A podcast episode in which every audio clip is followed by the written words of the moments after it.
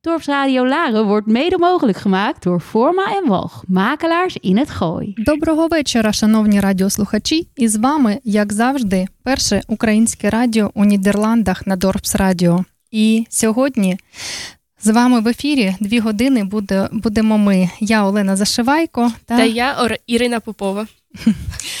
Тож е, слухайте нас, і тема сьогоднішнього ефіру це українська культура та мистецтво. І як завжди, початок нашого ефіру ми розпочинаємо з гімну нашої держави, з нашої України.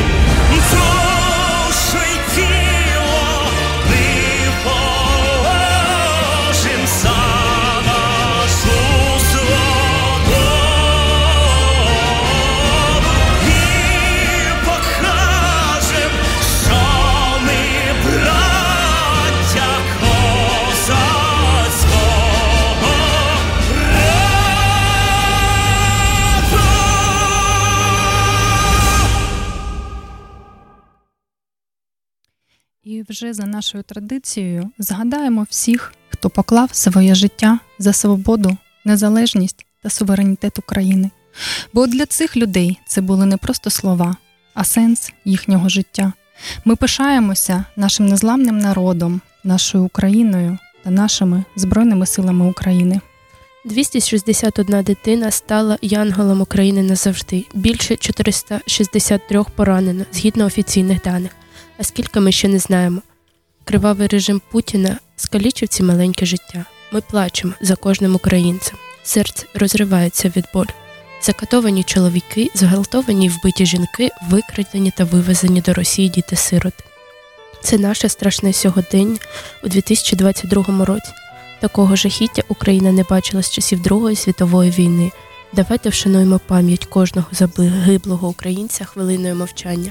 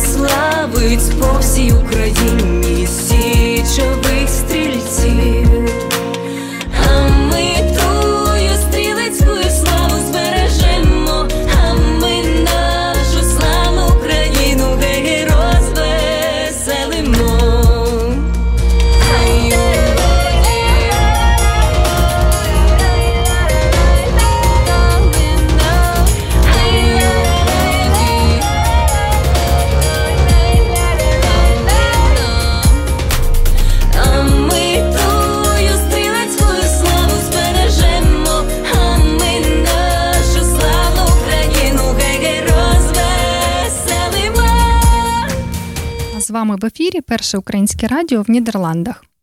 І тема нашого сьогоднішнього ефіру це українська культура. Під час повномасштабної війни Росії проти України окупанти завдають шкоду не тільки життям людей, житловим будинкам та інфраструктурі, містам, але й українському мистецтву. У зв'язку з цим міністр культури та інформаційної політики України Олександр Ткаченко звернувся до ЮНЕСКО з проханням позбавити Росію статусу члена ЮНЕСКО та позбавити країну організатора 45-ї сесії Комітету Всесвітньої спадщини. І як ви знаєте, що ці орки розбомбили драматичний театр у Маріуполі. 16 березня авіація окупантів розбомбила драмтеатр у Маріуполі. Він був найбільшим укриттям для жителів міста, які втратили житло через військову атаку Росії на Україну. Пізніше стало відомо, що бомбосховище театру витримало, і з нього почали виходити живі люди. То був такий на найважливіший щит для наших українських людей. Так, і тож була воєнна часть, ти забула, Олена. Ну, за, мабуть, за оркінською історією, то у нас е, взагалі вся Україна воєнна частина. Ну так, а ти що? Де ж солдат, солдат. Так, у Маріуполі внаслідок обстрілу російськими окупантами міста зруйновано будівлю художнього музею імені Архипа Куінчі. Там зберігались оригінальні роботи українських художників Івана Айвазовського, Миколи Глушенка, Тетяни Яблонської, Михайла Дерегуса та інших. Оригіналів робіт Куінчі на момент обстрілу в музеї не було. І якщо ви хоч раз бували в Києві, то я вважаю, що, мабуть, кожен українець відвідував територію Бабиного Яру та чув принаймні, а якщо не відвідували, то чули, що це таке і як відбувалася історія з цим усім. І 1 березня окупанти завдали чергового авіаудару по Києву. Ракетна атака була направлена на територію, на якій розташований меморіальний комплекс Бабин Яр. Під час його обстрілу російські війська пошкодили будівлю, де планувалося будівництво музею Голокосту у Східній Європі.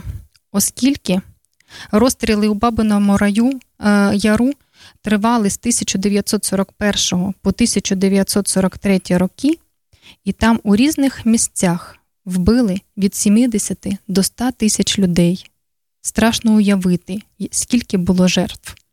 Ми можемо, можемо розглянути всю площу урочища як територію Голокосту, яку не можна зачіпати.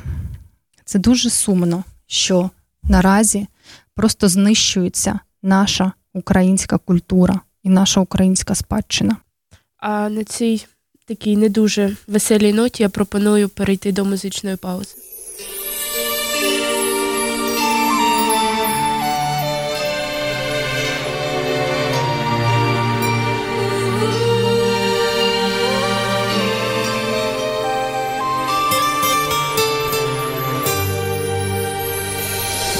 Ніч, яка місячна, зоряна ясная, видно, хоч голки збирай.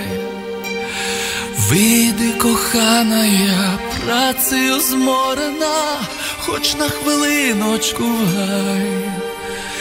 Вийди, кохана, я працею зморена, хоч на хвилиночку гай. Сядемо в купочці тут під калиною, і над панами я пан.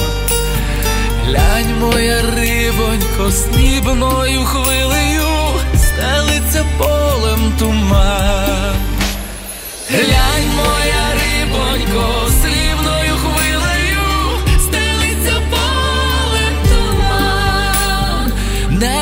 незміряне, всипане зорями, що то за Божа краса, перлами ясними ген під тополями грає краплиста роса.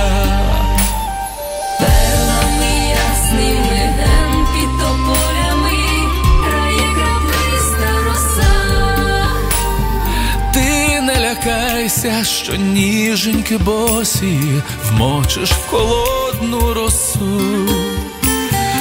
Я ж тебе вірна, я аж до хатиноньки сам на руках віднесу. Я ж тебе вірна, я аж до хатиноньки сам на руках віднесу. Ти не лякайся, що змерзнеш лебідонько, ні вітру, ні хмар. Я пригорну тебе до свого серденька, а воно палка, мов жар.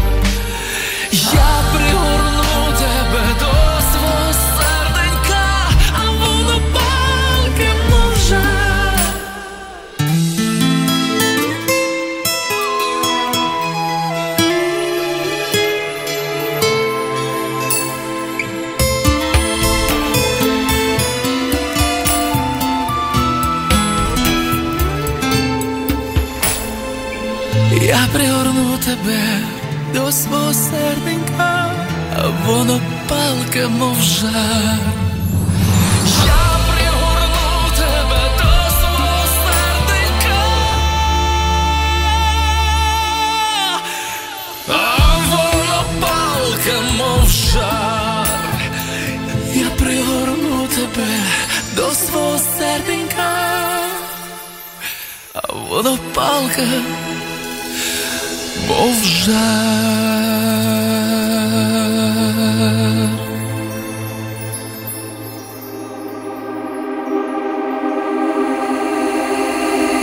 Ти признайся мені, звідки в тебе ці чари, я без тебе всі дні у полоні печалі,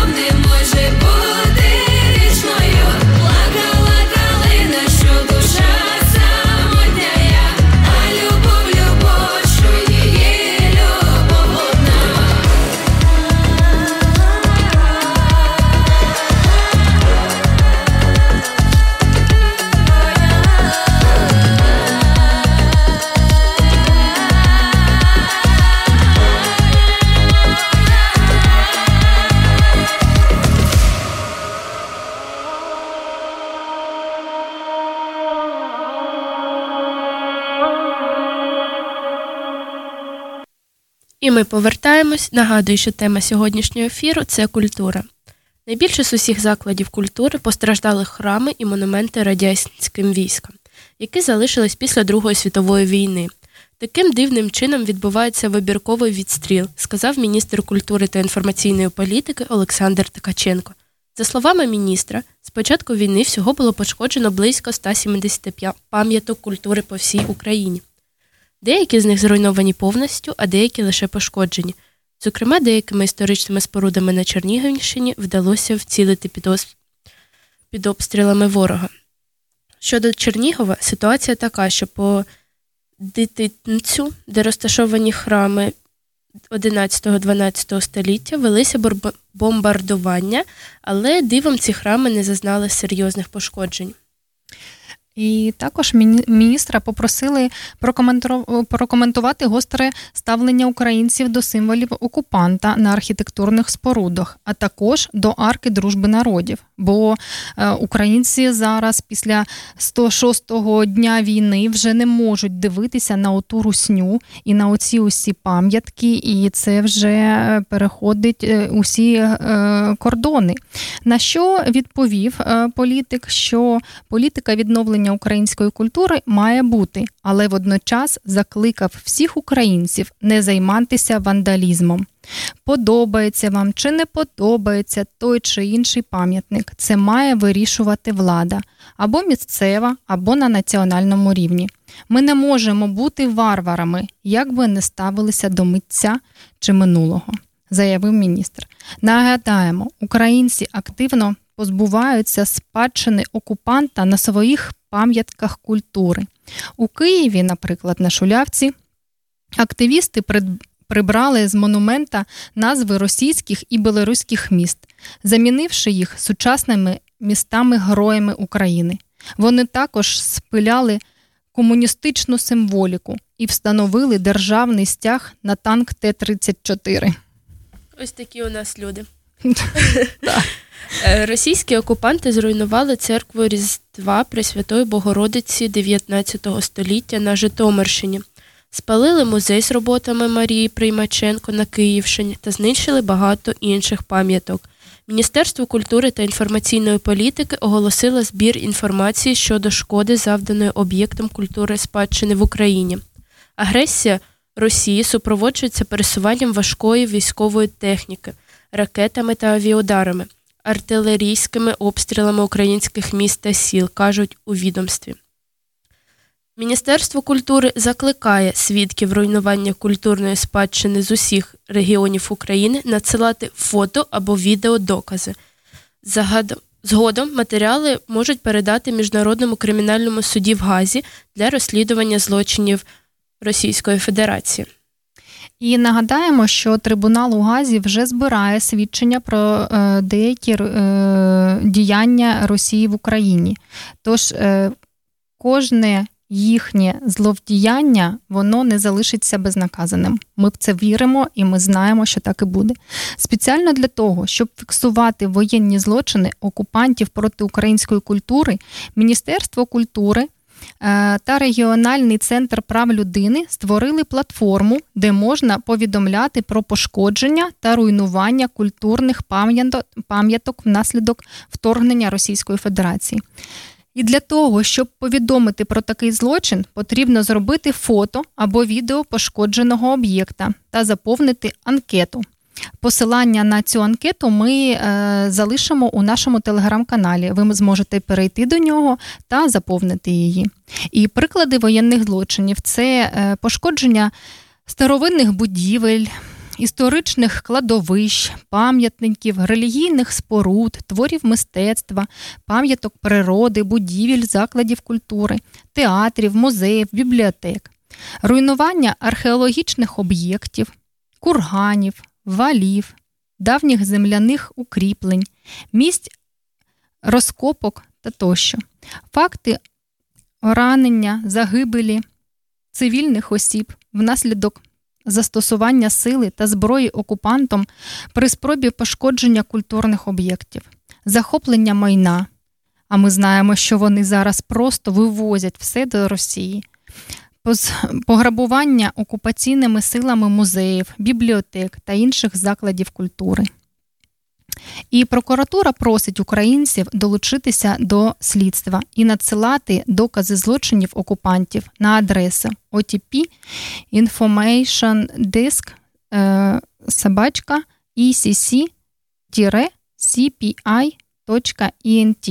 також цю адресу ми залишимо в нашому телеграм-каналі, тож долучайтеся. Якщо у вас є якісь е, факти підтвердження зруйнування культурної спадщини України, не будьте осторонь, відправляйте і ці всі. Е, ця вся інформація буде залучена до суда у Гаазі. А зараз ви не перемикайтесь, ми переходимо до музичної паузи.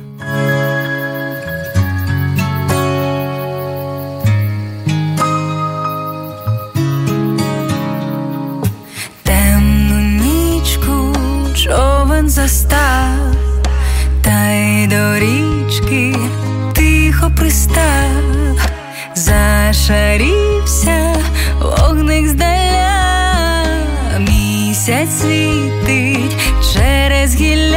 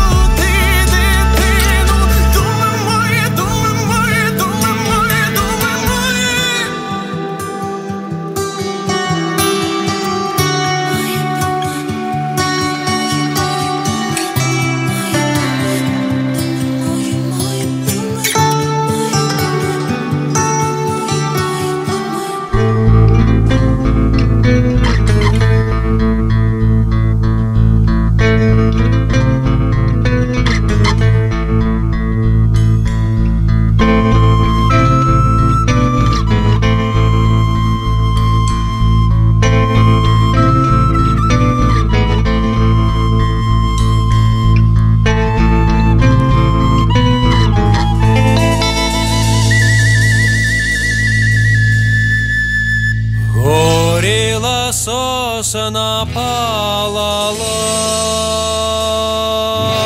горіла сосна палала, під не дівчина стояла, під не дівчина стояла.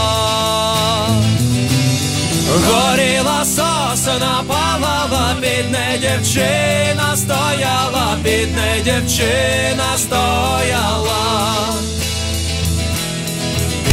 дівчина стояла,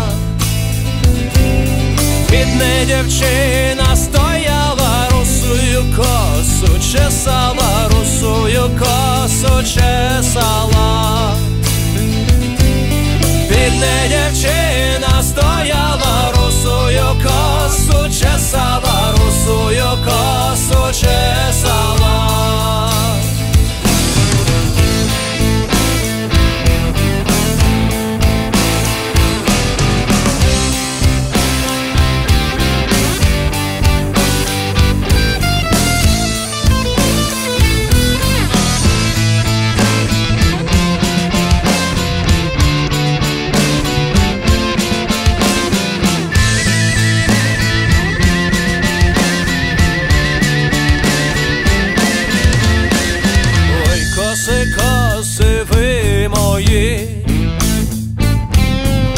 Коси, коси ви мої, довго служили ви мені, довго служили ви мені.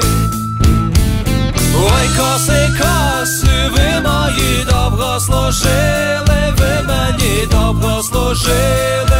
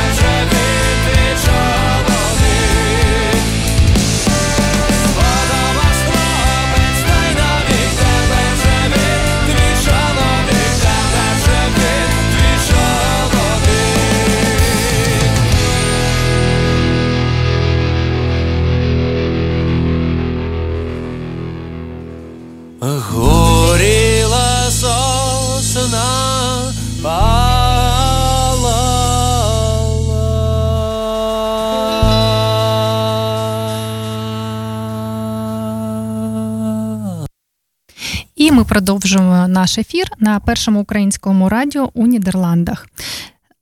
Зараз ми прослухали такі гарні українські народні пісні, а особливо остання Горіла сосна палала. Це взагалі обрядова така пісня, бо її, як всі ми знаємо, українці ставлять на весіллі, коли е, знімають у нареченою, у нареченої фату. Тож коли ми слухали ці пісеньки, то аж мурашки по кожі так бігли-бігли. Так, Ірино? Так, Тобі когось ще бігли, це, хтось мріяв. тобі ще це предстоїть. Так, я вже Пережити. знаю, яку, як плейлист зіставляти. Буду економити на організаторі своєї весілля. А до речі, ти мені ти мені скажи, ми коли відправляли листи е, до ЗСУ, е, то вписували твій номер телефону. Чи е, отримала ти якийсь фідбек, чи ні? Е, ні, ні, тому що вона ще не дійшла. Ага, так. Та, тому що ми чекаємо Так. ще, поки ми, наша посилочка, поки наша посилочка доїде. Це дуже добре. А поки у нас є час, і будемо е, робити український плейліст музики на весілля. Так? Так. Добре. Розкажи гарну новину, яка у нас є. Е, гарна новина. Чи що Гарних нас? Ми Ага. далі продовжуємо Давай про продовжимо. культуру говорити. Національний музей Григорія Сковороди у Скородинівці став жертвою війни Росії проти України. У ніч на 7 травня у Харківській області внаслідок обстрілу було знищено Національний літературно-меморіальний музей Григорія Сковороди. Про це повідомляється на сторінках селищної ради. Музей Сковороди знаходився в селі, де він жив останні роки та був похований. А у грудні 2022 року будуть відзначати 300 років від дня народження Григорія Сковороди. Це ж дуже вже багато. І нагадаємо, хто це такий. Це філософ, поет, байкар і педагог, який вніс значний внесок у східнослов'янську культуру. Здобув славу першого самобутнього філософа Російської імперії. Григорій Сковорода вважається завершителем епохи козацького бароко та радоначальником російської релігійної філософії. Тож ти розумієш, це музей був, можна сказати, такий е, перший е, створення російської культурної спадщини. А вони, оці е, н- недоумки, я по-іншому не можу їх назвати, вони взяли розбомбили цей музей. Ну, це з глузду можна з'їхати. Це жах. Це жах, тому що може вони навіть і не знали про це. Можливо. Я думаю, ні, їм таке по телевізору не показують. Це 100%. Так. Так, і зараз у нас така цікавенька тема, підтемка скіфського золота. Вкрали чи ні? Що взагалі сталося зі скіфським золотом з Мелітополя та чи повернеться воно до України? В Україні відкрили кримінальне повадження у справі викрадення російськими військовими національних цінностей України з музею в окупованому Мелітополі. Про це повідомляє Офіс Генерального прокурора. За даними слідства, у квітні цього року рашисти викрали історико-культурні цінності з Мелітопольського краєвознавчого музею. Серед викраденого була колекція скіфського золота, виявлена у 1950-х роках. Слідчі СБУ в Запорізькій області розпочали досудове розслідування за фактом порушення законів та звичаїв війни.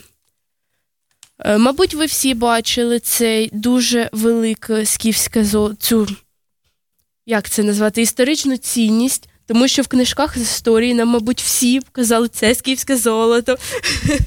І треба вчити. Так. І е, взагалі ця історія вже е, дуже довгий час. Е, е, Минає, і ми знаємо, що були довгі суди, тому що Росія постійно хотіла його собі забрати, відсудити. Ще у Криму вони його забрали, але ж Україна не здавалася і все одно його е, намагалася повернути на нашу батьківщину. 27 квітня Запорізька обласна військова адміністрація повідомила, повідомила, що російські військові захопили Мелітопольський міський краєзнавчий музей. У від- повідомленні йшлося про те, що місце, де зберігається сфійське золото, росіянам підказали колаборанти. Ух, ці гадюки, такі колаборанти. Це Без них нікуди. це я не знаю, що з ними робити. Треба їх депортувати з України назавжди і кудись дуже далеко. В і не в Європу, наприклад. в Росію. В Сибір. Так, в Сибір. У російських ЗМІ почала ширитися інформація про те, що окупанти врятували скіфське золото, яке експонувалося в музеї від колишніх працівників закладу. Мовляв, ті хотіли вивезти його за межі країни. Проте вже 29 квітня глава Запорізької ОВА Олександр Старух спростував факт викрадення цінностей. Ще у березні найцінніші колекції із Запорізької області були вивезені в інший регіон України. Наразі відбувається друга хвиля евакуації історико-культурних цінностей. Є різні музейні предмети, оригінали, копії, моляжі. От така історія, повідомив він у ефірі телемарафону. Він сказав, що, можливо, окупанти знайшли невеличкі гунські скарби.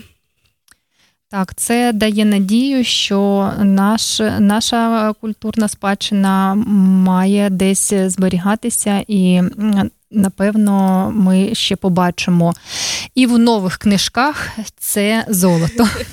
Тому що ти знаєш, Ірино, мені дуже я, от коли ми сьогодні готували матеріал, і я читала ці всі новини. е, У мене така думка промайнула. Думаю, боже, воно ж, е, якщо воно забрало то золото, вони ж не розуміють, е, що цей скарб він має дуже велику цінність е, історичну, культурну. І вони ж могли просто взяти його, переплавити, бо його там дружині чи доньці сережки потрібні, чи може каблучка якась. Ти розумієш? Так, вони мені чомусь здається, вони саме так і зробили. Для них це ну, золото. Золото, золоце, так, як, як у фільмі Золоце моє. Ой, та чи вдасться повернути експонати в Україну? Україна та Росія є сторонами Конвенції про захист культурних цінностей у випадку з збройного конфлікту від 14 травня ще з 1954 року. І згідно з нею, під час війни забороняється будь-яке використання культурних цінностей. Як це, якщо це може призвести до їх зруйнування або пошкодження. Так. Відповідно до документа, викрадання культурних цінностей карається чинним національним законодавством, а сторона, яка незаконно вивезла пам'ятки з окупованої території, повинна повернути їх після закінчення війни. Їм руки треба повідрізати за, за такі речі. Ой, тож зараз усі українські культурні цінності захищені міжнародним законодавством. Але мені здається, що міжнародне законодавство на росіян взагалі ніяк не впливає. У них своє щось, своя політика, і вони не реагують ні на які закони і ні на які запрети. Ми дуже добре бачимо, як вони дотримуються всіх конгресій, конвенцій. Тобто зовсім не дотримуються. Так, Так, що ж, е, як буде де-факто, покаже час.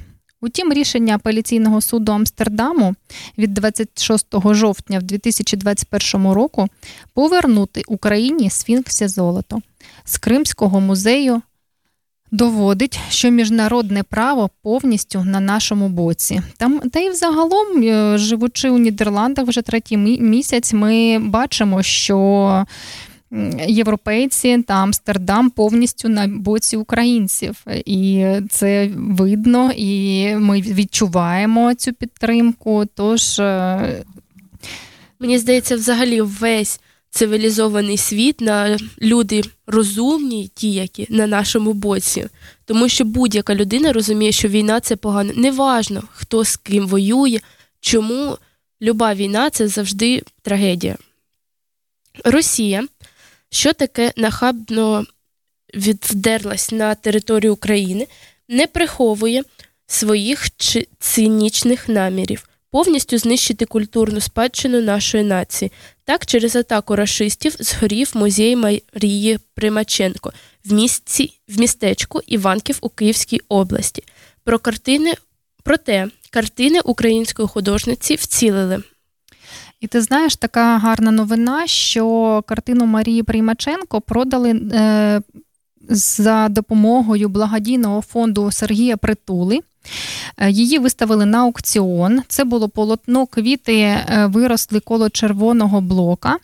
І за 500 тисяч доларів, які були вторговані від продажу витвору мистецтва, пішли на допомогу Збройним силам України. Тож наша українська культура зараз допомагає нашій армії і нашій країні. Це дуже круто. І е, дякую Сергію Притулі за те, що він допоміг і продати картину Марії Приймаченко, і продати кубок Євробачення Калуш оркестра. Е, Якщо людина хоче допомагати своїй державі, він знайде, як це зробити. Ну круто, дякую, Сергію. Ти зовсім зовсім е, по-іншому. Так. По-іншому зараз якось ем, імпортуєш в моєму е, баченні, бо коли я дивилась передачу Хто зверху, то було т- тільки комедійне таке Ну, ставлення. комік комік. У нас Да. таких дуже багато, нічим не, ну, нічим не особливий. Президент комік, да, а зараз як у війні себе ставить. Притула коміка, яку допомогу несе нашій країні і нашій армії. Тож чоловіки молодці, вони у е, звичному житті були такі, як е, веселі хлопці, а зараз е, дуже підтримують і надають таку допомогу дуже активну і дуже сильну на славу нашої держави і доближають нашу Україну до перемоги. Дякуємо. І переходимо Дякую. до музичної паузи.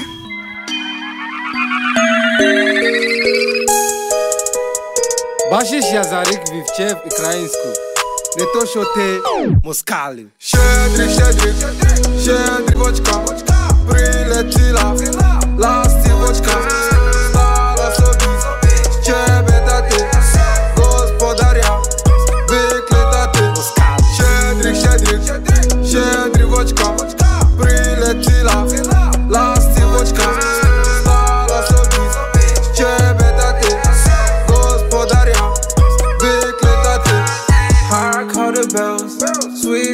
bells, all seem to say, draw cares away. Christmas is here, bringing good cheer. Too young and old, uh. meek and them bold. Uh. Ding dong, ding dong, this is the song.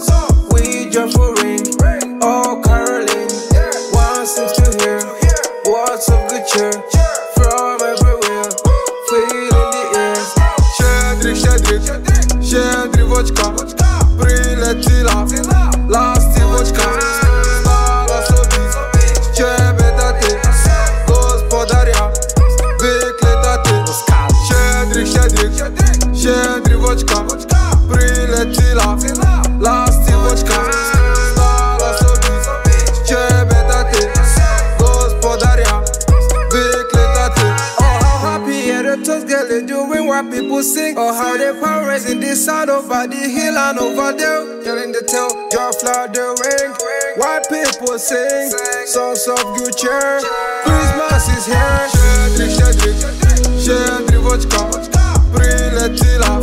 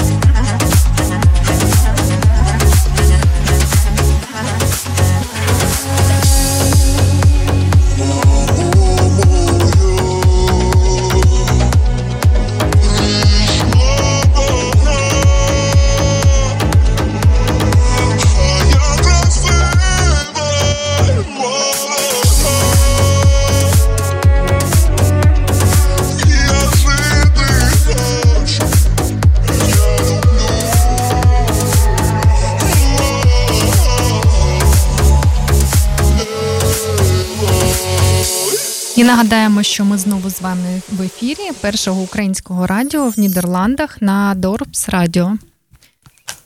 Ми продовжуємо. Ці дні неодмінно будуть вписані в українську історію. І зараз від багатьох залежить, як саме про них потім писатимуть. Українська історія твориться зараз.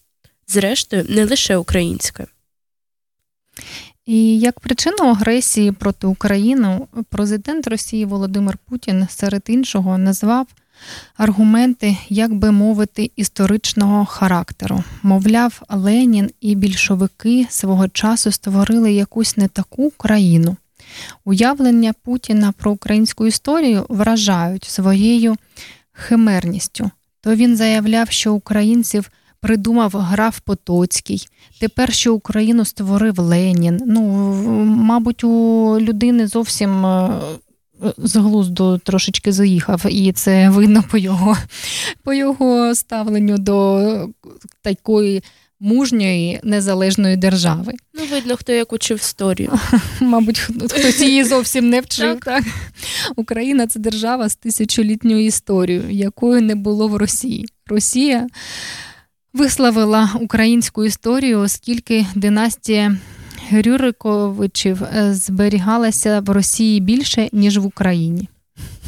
І суть справи в тому, що росіяни називали українців малоросіями, але вони не хотіли бути, бути малоросіянами. І тому національна інтелігенція вже в 1870-му, в 1890-х роках вирішила скористатися топо... топонімом Україна. А цей топонім існував з 12 століття і перетворили його на етнотопонім, тобто населення України, відомої з 12 століття, називали українцями. І вже не можна було називати їх русами чи рутинами, тому що росіяни забрали цю назву. Росіяни в нас вкрали навіть назву. Не тільки вони крадуть унітази. Та вони ти бачиш, то плойки, то золото, то назви. Вони вже не знають, що вкрасти. Щось крадуть, крадуть, ніяк не вкрадуть. А у нас все країна е, розмножується і е, багатішає, і сильнішає, і мужнішає. Але ж вони в нас не можуть вкрасти саме найважливіше це свободу та незалежність. Це їм ніколи не вдасться. І хай якщо вони хочуть чи не хочуть, вони так і залишаться отам, от на своїй отій Малоросії, чи як вони там її хочуть називають, чи не називають зі своїми от тими орками, хай ідуть собі на землю на свою на Руську, і там живуть собі спокійнісінько зі своїми сім'ями, і зі своїми дружинами, і зі своїми дітьми, якщо вони в них є. Я не знаю, як вони зовсім можуть себе ставити у своїй сім'ї, якщо вони чим вони, от Ірин, от мені інтересно е, цікаво, чим вони навчають своїх дітей? Який там взагалі е, душевний стан, чи яка там глибина у людей? Да? Я ну, Я мені тобі цікаво. зараз розповім таку історію, дивилась в інтернеті. Їдуть е, на потязі ну, два хлопчики, одному ну, десь 7-10 років, їх мати. Починає цеплятися до цих діточок, дорослий мужик, а у хлопчика був ранець в синьо-блакитних тонах. Він зриває з нього цей рюкзак, він починає на нього кричати. Стоїть мати і взагалі нічого не каже. Твою дитину зараз принижує якесь, вибачте, бухе тіло. А ти стоїш і будеш, ну ну да. Ти ж сама йому цей ранець купила. До чого тут взагалі кольори? І от також, да, ти бачиш, дитина. У нас українські діти волосся обрізає для того, щоб е, допомогти ЗСУ. Нас дівчинка є з довгим волоссям в Україні. Вона обрізала своє довге волосся, продала його, і ці е, кошти і гроші е, вона направила на Збройні Сили України.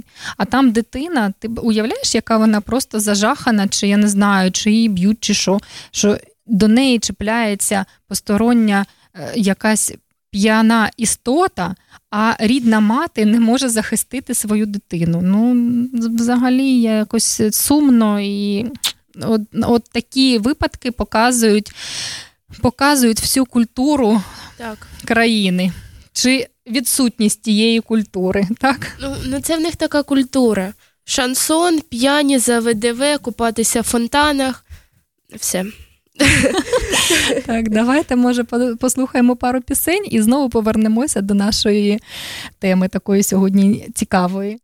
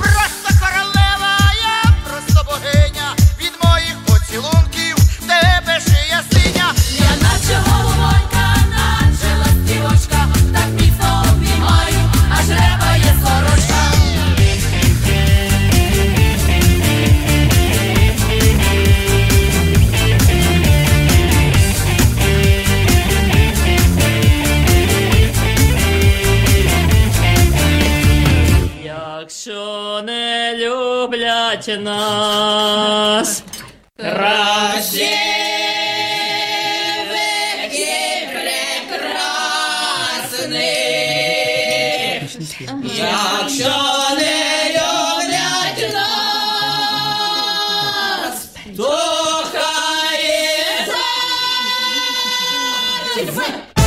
Ой, не буду горювати, буду танцювати.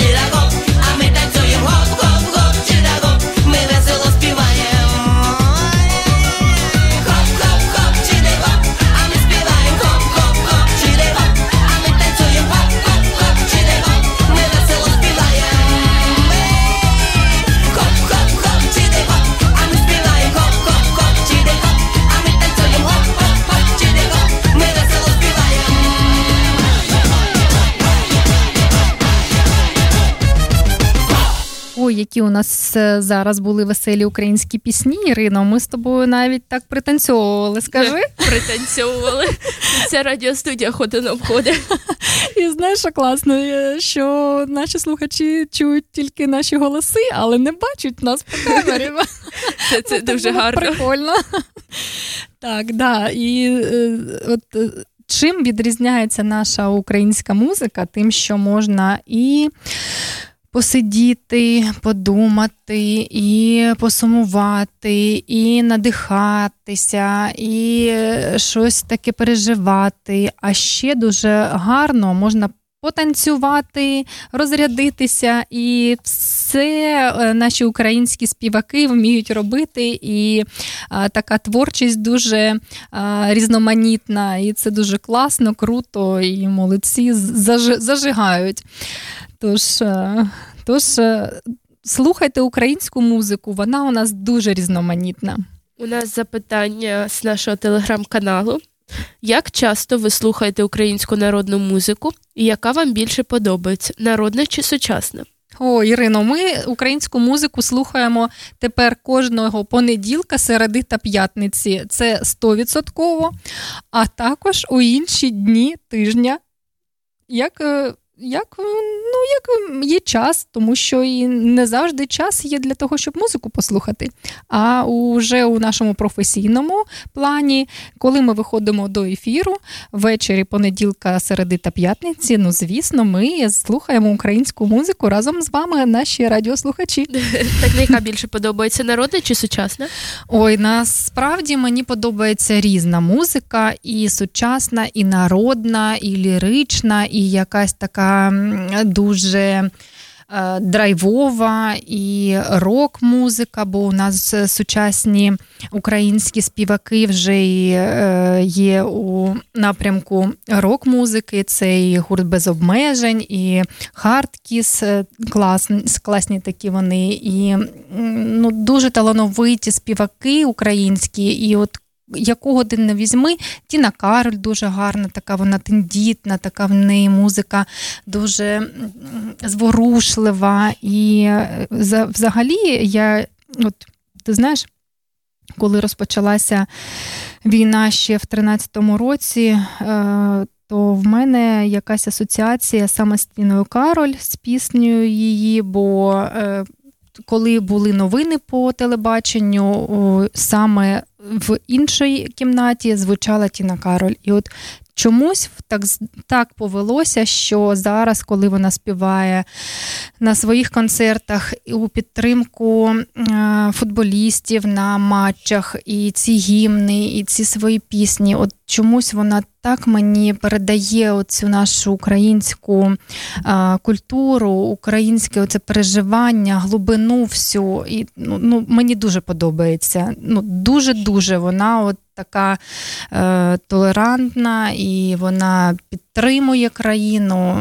Дякую їй. А тобі яка музика подобається, Ірин? Розкажи. Мені ну раніше до початку війни я слухала більш російську музику тому що мені подобається реп, а реп у нас в Україні було декілька людей, які його гарно читали.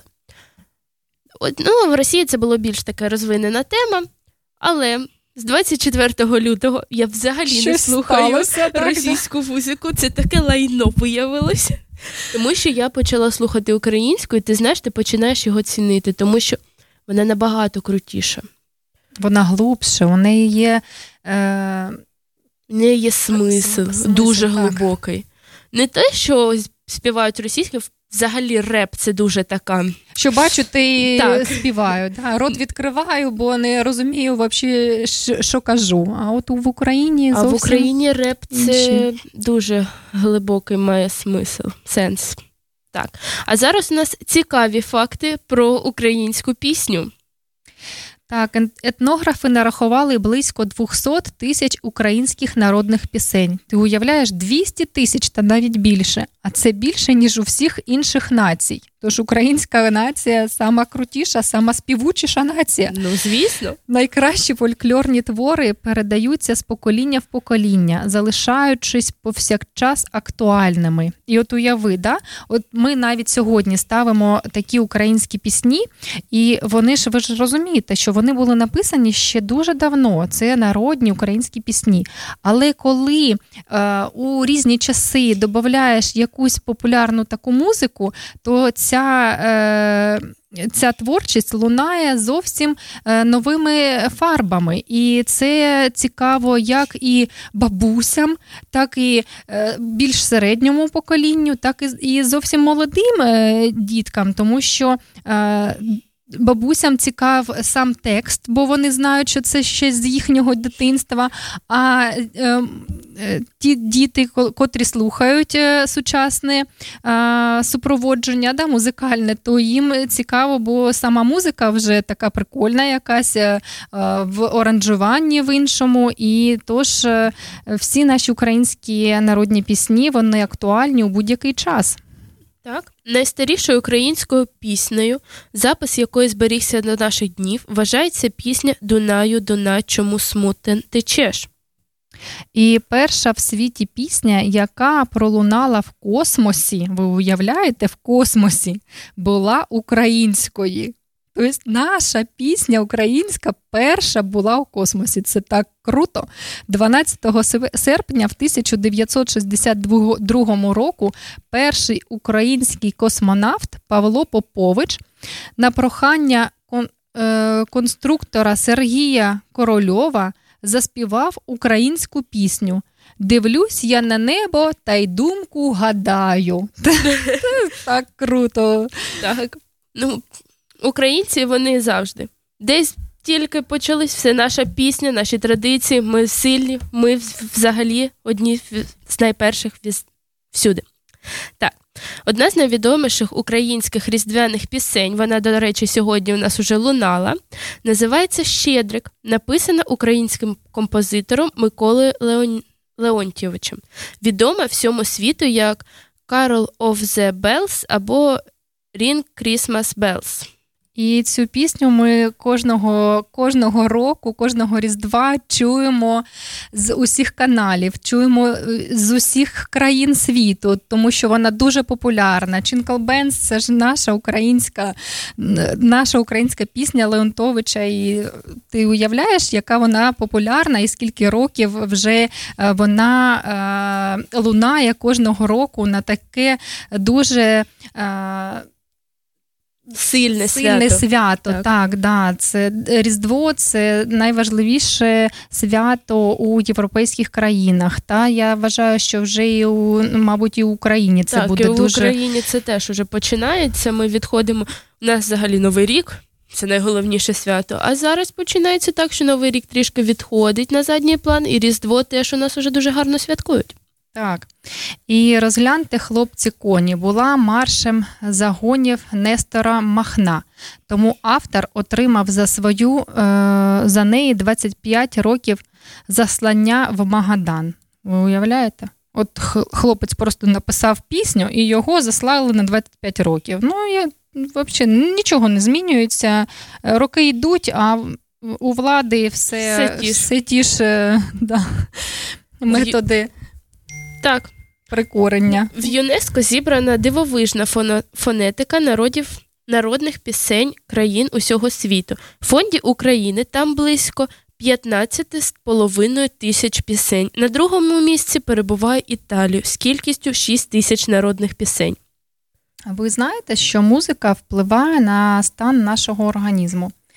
Наше серце підлаштовується під ритм мелодію, яку ми слухаємо. Так, і це так і є. Коли ти, на, коли ти сумуєш, тобі хочеться якусь таку спокійнішу, ліричну музику.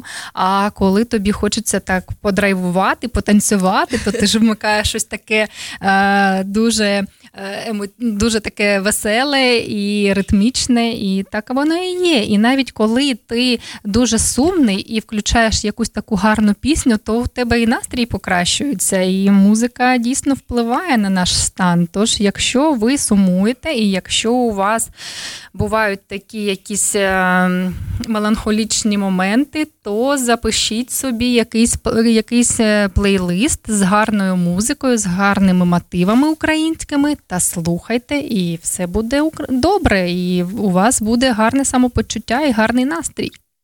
Так, коли на передовій випадають хвилі тиші, втомлені хлопці співають під гітару фронтових пісень. Найулюб... Найулюбленішою композицією тут вважають край землі Арсена Мірзаряна. Дуже гарна пісня, дуже крута. Так, я саме сьогодні її слухала перед ефіром. Да, а ще Ірина, знаєш, що дуже е, мені подобається те, що наше радіо воно вже стає таке е, більш популярне, і до нас вже звертаються люди з України, е, і вони ну. От давай казати вже як є. Да? До, до нас звернулася дівчина, її мама е, робить і співає, і робить і співає е, українські пісні. Вона сама їх придумує. Ці пісні всі про війну. Вона придумує їх, сама співає, і таким чином вона підтримує українську культуру. І я вважаю, що такі люди вони надто, надто цінні і вони глибоко показують всі переживання і підтримують також і, і хлопців на ЗСУ, і тих людей, які вже е, у смутку і думають, що все, ну все вже ми не можемо, ми начебто програємо.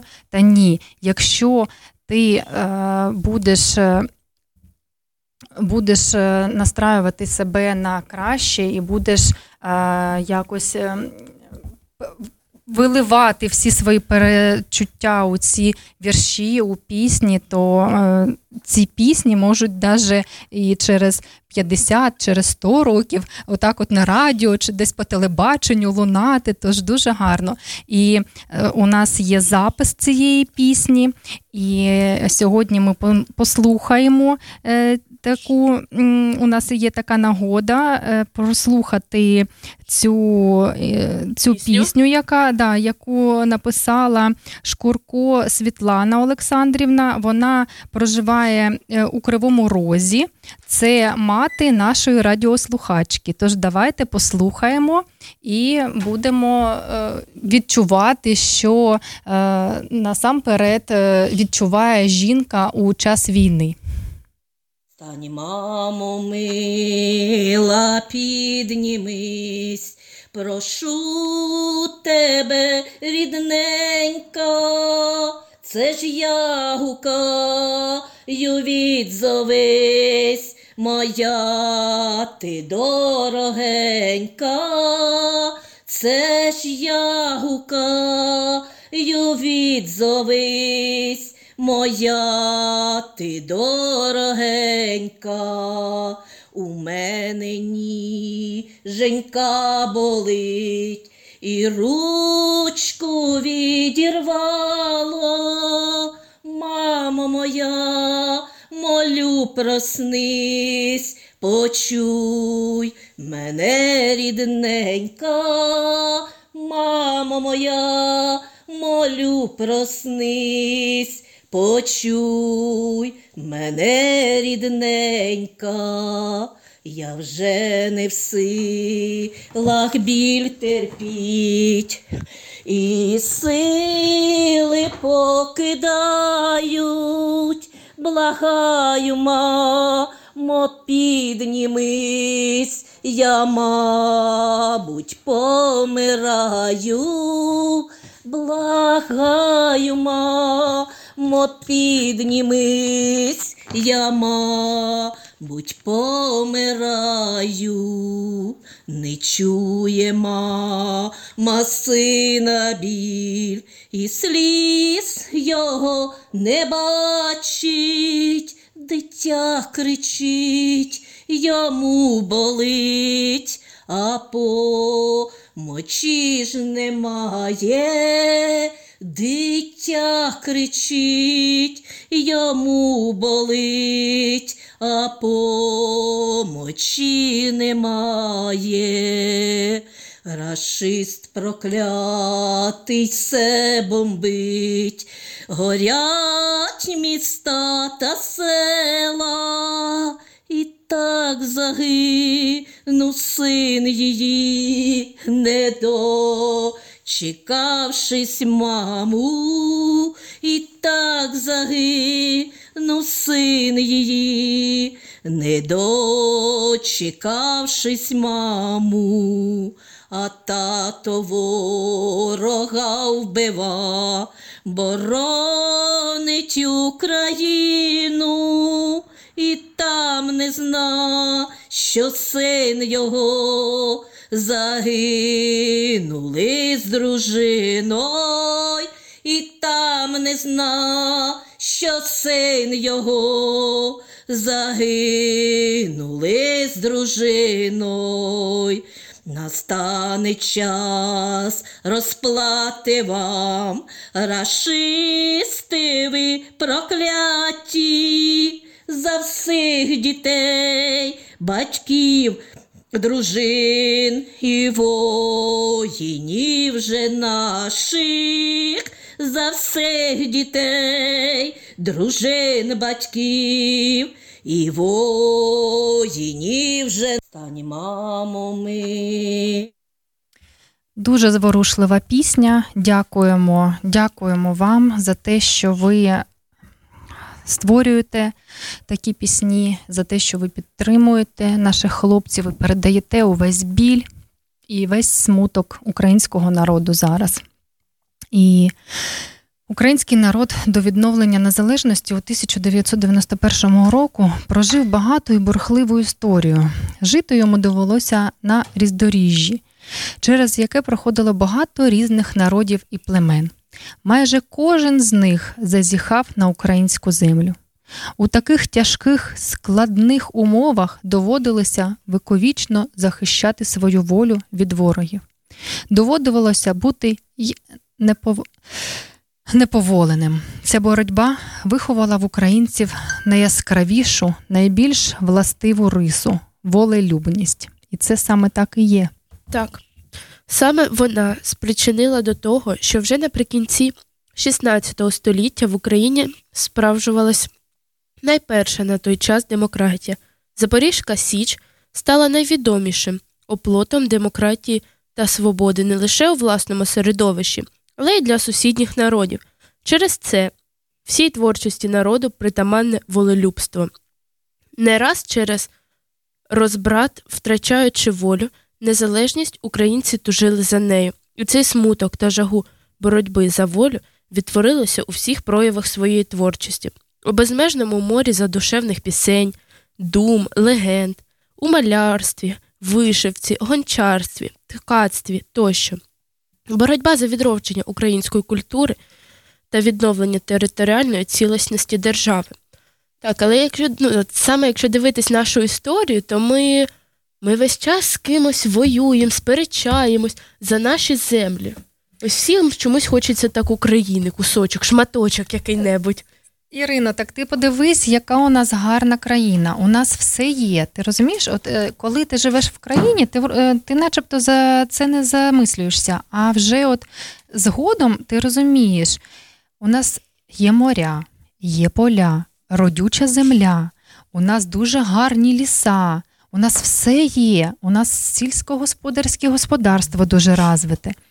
Ну, от ти подивись, куди не візьми, от який край землі нашої країни не візьми, у нас взагалі взагалі вся країна дуже гарна і дуже е, така родюча. У нас є і е, залізо в недрах, у нас є і газ, і нефтяні якісь запаси, і риболовство, і ну, ну все, що, що ти не візьми для нормального життя, у нас в нашій країні є. І, звісно, от от сусідам недоброзичливим хочеться трошечки схопити нашої країни. Ну, Ти розумієш, що ну яка ж там земля? У них ти знаєш, у них навіть те... немає ніяко, ніяких полів. Але щоб... у них немає полів, але в них дуже багата країна. Ось на саме я дуже любила географію, і я не розуміла, чому вони бідна нація, у них є все, у них куча вугілля, нафти, газу.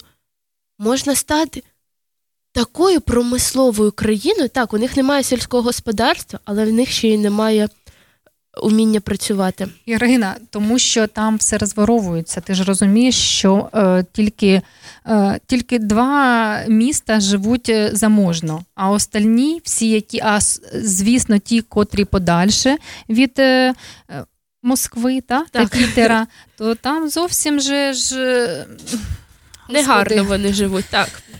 Якщо в них якщо вони з України унітази вивозять, то ти розумієш, куди вони там у себе вдома ходять. Ну, Не, не будемо про не будемо про погане. Ну, але ж так і є. Так. Тому що, ну і наскільки ми читали, то з Москви та Пітера вони не мобілізують е, хлопців, бо розуміють, що буде бунт, і будуть люди виходити на мітинги, то вони ж беруть там, де подалі, там, де немає е, якогось е, такого заможного життя, і обіцяють якісь там е, копійочки, да, якщо ваша, якщо от матері обіцяють, якщо ваша дитина загине, ми там вам надамо якусь там суму. Ну, ну це ж зовсім геть. Ну яка може бути сума, якщо немає дитини? Ну Ти знаєш, них Сумно. встановили такі як е, переїзні вагони, де вони набирають людей. І там висить конкретний прайс. Скільки коштує, скільки виплатять родині, якщо тебе вб'ють, якщо ти легко поранений, тяжко поранений. Це, це, ну, це як м'ясо якесь, я не знаю. Це просто якийсь фу, як так взагалі можна?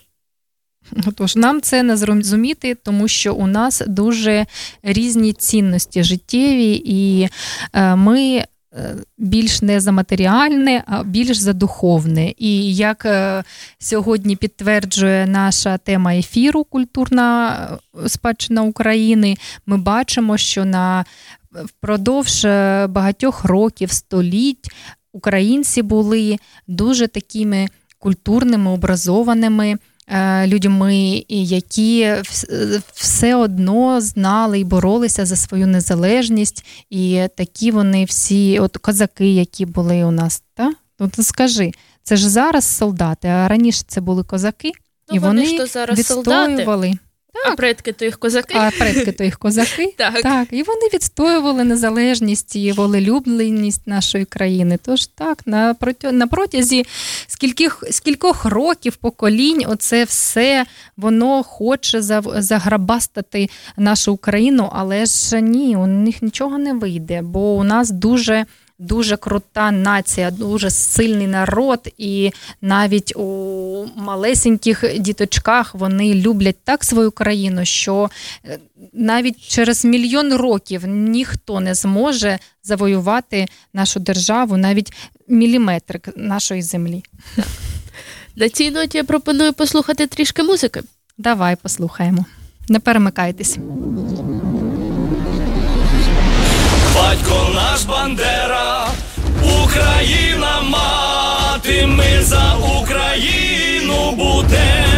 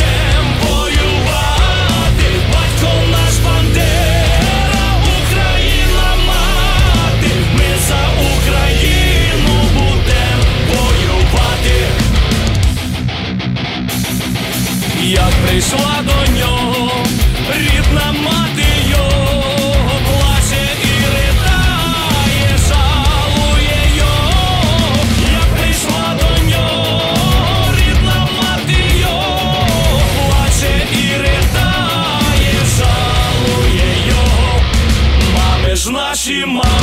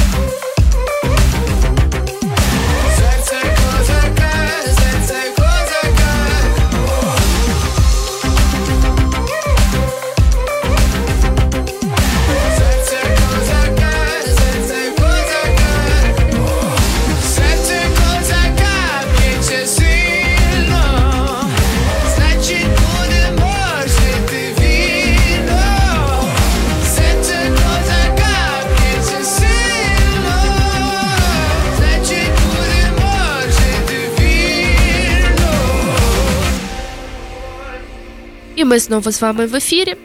Ми прослухали такі дуже сучасні, круті пісні. Де що хотіла сказати, у нас в Харкові. Ну, Харків це взагалі такий руський город, рускоязичний.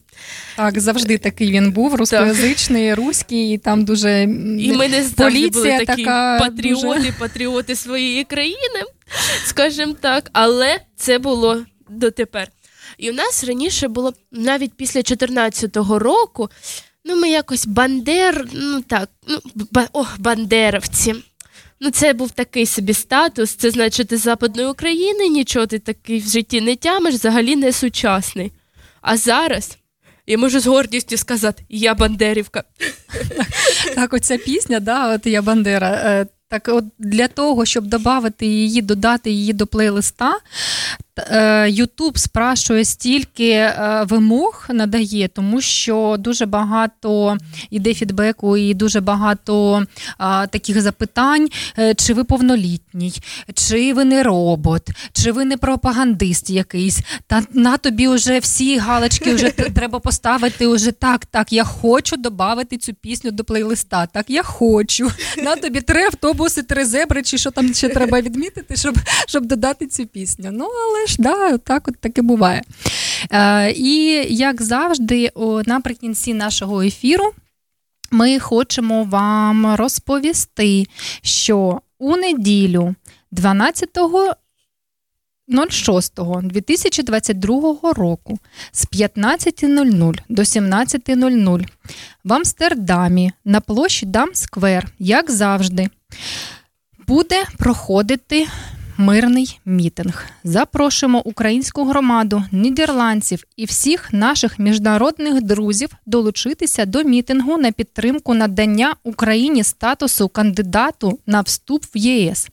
Продемонструємо нашою єдністю, що Україна це європейська держава, яка гідна бути кандидатом на вступ, а згодом і повноцінним членом Європейського Союзу. Тож це дуже важливо, це така дуже актуальна тема зараз, бо Україна повинна стати вже у склад Європейського Союзу. Приходьте, нагадаю, що це буде 12.06 з 15.00 до 17.00 Амстердам, площа Дамсквер. І взагалі, якщо ви слухаєте нас з різних країн світу, бо ми знаємо, що нас вже слухає не тільки у Нідерландах та Україні, а й у інших країнах, таких як Італія, Іспанія, е, Португалія, Бельгія та дуже багато інших країн. Будь ласка, узнайте, де в вашій країні та найближчому місці проходять мирні мітинги. Виходьте, кажіть. Розповідайте, кричіть всім, всім і всюди. Розказуйте, що в нашій країні відбувається війна, і що нашій Україні потрібна допомога, і що мир на нашій землі він ще не настав.